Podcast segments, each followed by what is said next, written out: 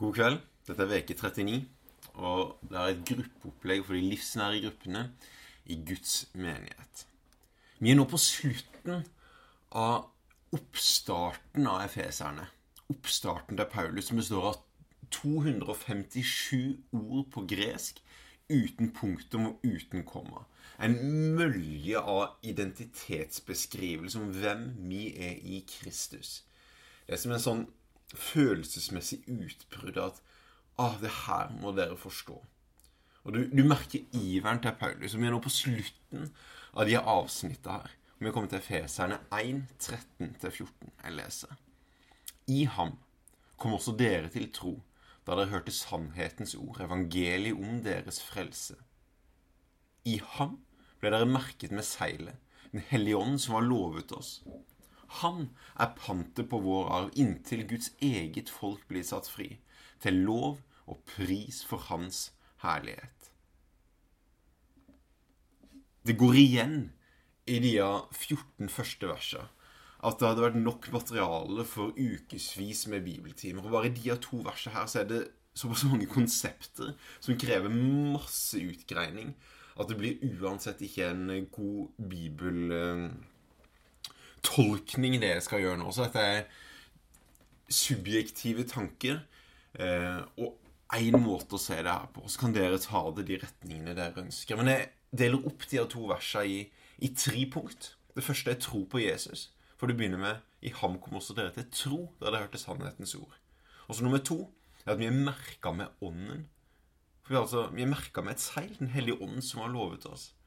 Så hvordan skjer det, og hva er konsekvensen av det? Altså punkt nummer tre veien mot frihet. For vi har fått noe nå. Vi har fått en arv, og Jesus sa det er fullbrakt. Samtidig så venter vi på noe som skal komme. Store temaer. Men jeg hiver ut noen tanker, og så tar dere den retningen dere ønsker. Det første spørsmålet dere må stille, er jo åssen kom du til tro? Og Kanskje er det lurt nå å bare stoppe lydfila og ta en runde i gruppa. Greier dere å formulere kort hva som er grunnen til at dere tror? Eller hva som er viktige hendelser for deres tro? Jeg tror For mange kristne så er det enormt vanskelig. For det er kanskje ikke ett punkt eller én hendelse eller én faktor, men en rekke med event.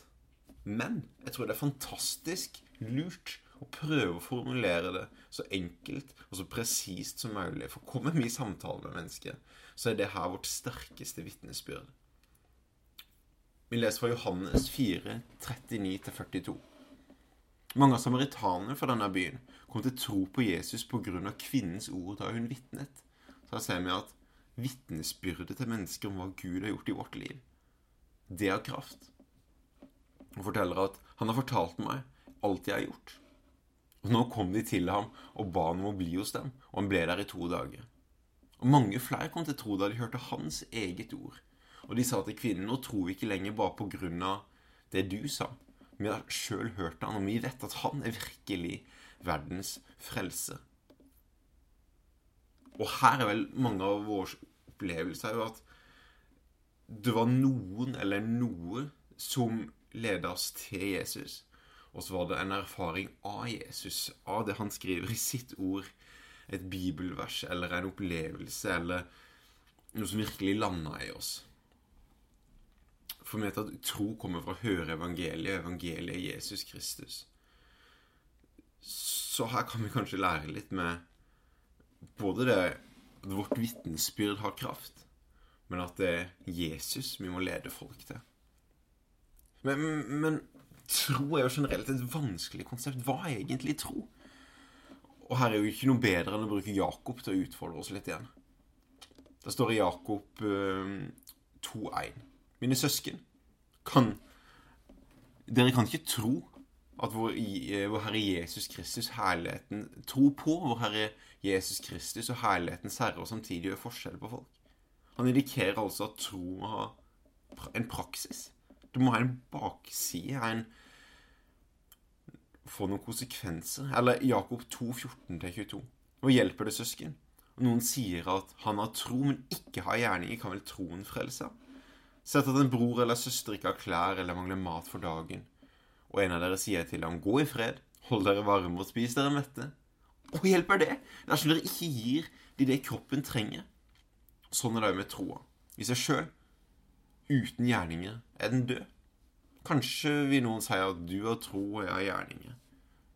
Vis meg din tro uten gjerninger, så skal jeg ut fra gjerningene vise deg min tro. Du tror at Gud er én, og du gjør rett i det. Men også de onde åndene gjør det, og de skjelver. Du tankeløse menneske, vil du ikke innse at tro uten gjerninger er til ingen nytte? Var det ikke på grunn av gjerningene at vår eh, far Abraham ble kjent rettferdig da han bar fram Isak, sønnen sin?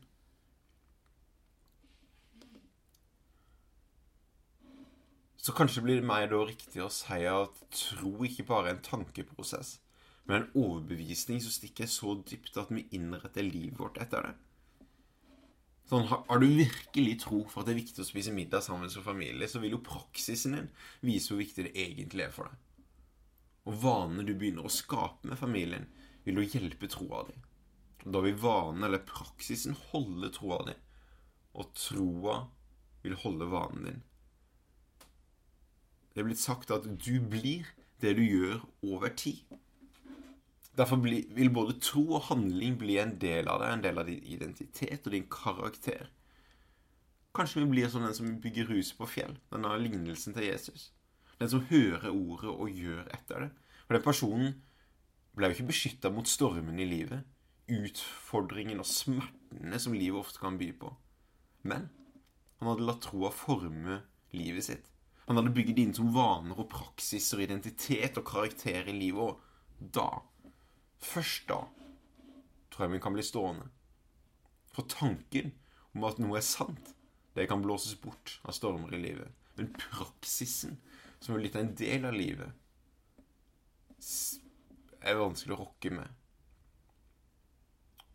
Og da tror jeg vi har kommet inn på en del av åssen gir vi da tro videre. For jeg tror, og jeg har opplevd sjøl, at jo, jo mer jeg prater med ikke-kristne, så skjønner jeg at de gode formuleringene han har hørt fra en talerstol eller lest i en bok, det passer ofte dårlig inn i samtale. Hva, kristne ord gir ikke mening for folk, og virkeligheten blir bare for fjern. Så fasit på evangelisering det, det, finnes ikke, men jeg tror vi kan lære noe av Jesus og av Efeserbrevet her. For Efeserbrevet sier jo at troen kommer å høre sannhetens ord. Og jeg tror vi skal være frimodige. Frimodige på å snakke sant. Ikke pakke inn bibelske sannheter. Si sannheten sånn den er. Bruk gjerne Bibel, uten å sitere nødvendigvis hvor det står, men det er kraft i evangeliet. Det er sprengkraft i Guds ord. Og pass på at ikke vi setter Guds ord ut av kraft pga. at vi skal putte det inn med vår verdens visdom eller tradisjonens overleveringer.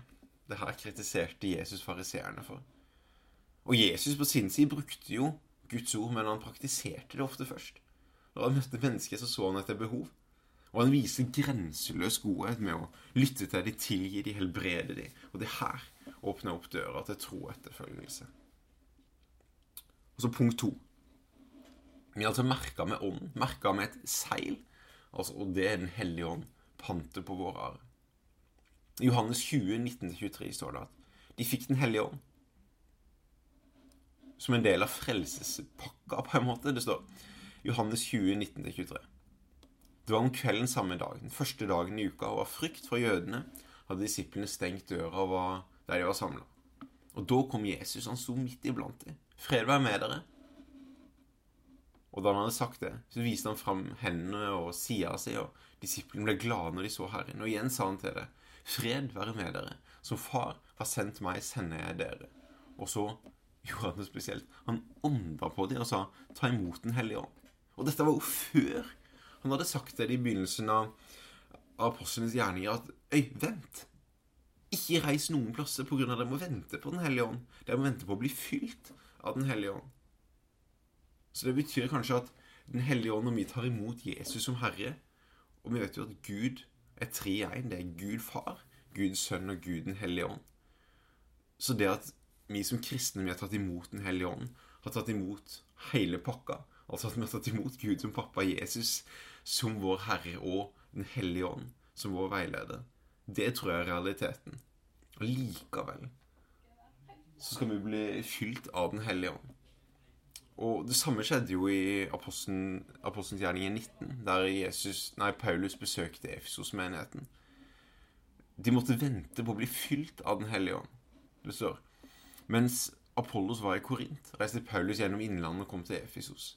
Og Der møtte han noen disipler og spurte dem Fikk dere en hellig ånd da dere kom til tro. Og de svarte vi har ikke engang hørt om at det er noe hellig ånd.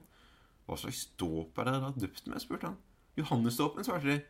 Da sa Paulus Johannes døpte med en dåp til omvendelse. Han sa at folket skulle tro på han som kom etter ham, og det er Jesus.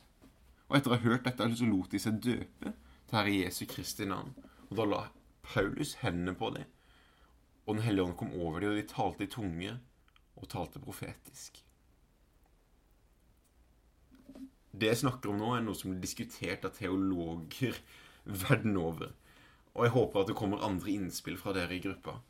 Men jeg tror altså at vi trenger å vite at vi har fått Den hellige ånd.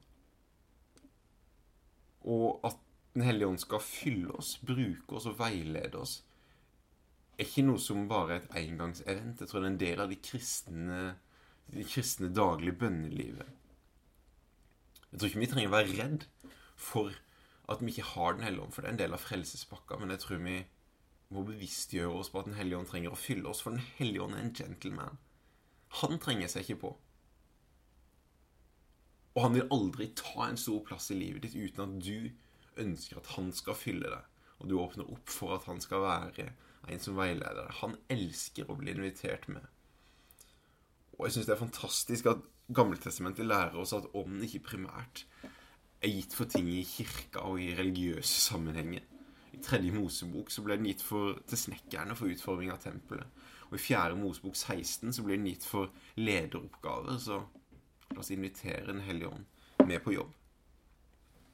Punkt nummer, punkt nummer tre. På vei mot frihet. For det er jo sånn at Den hellige ånd er fantastisk, men det er jo bare pantet på en mye større arv.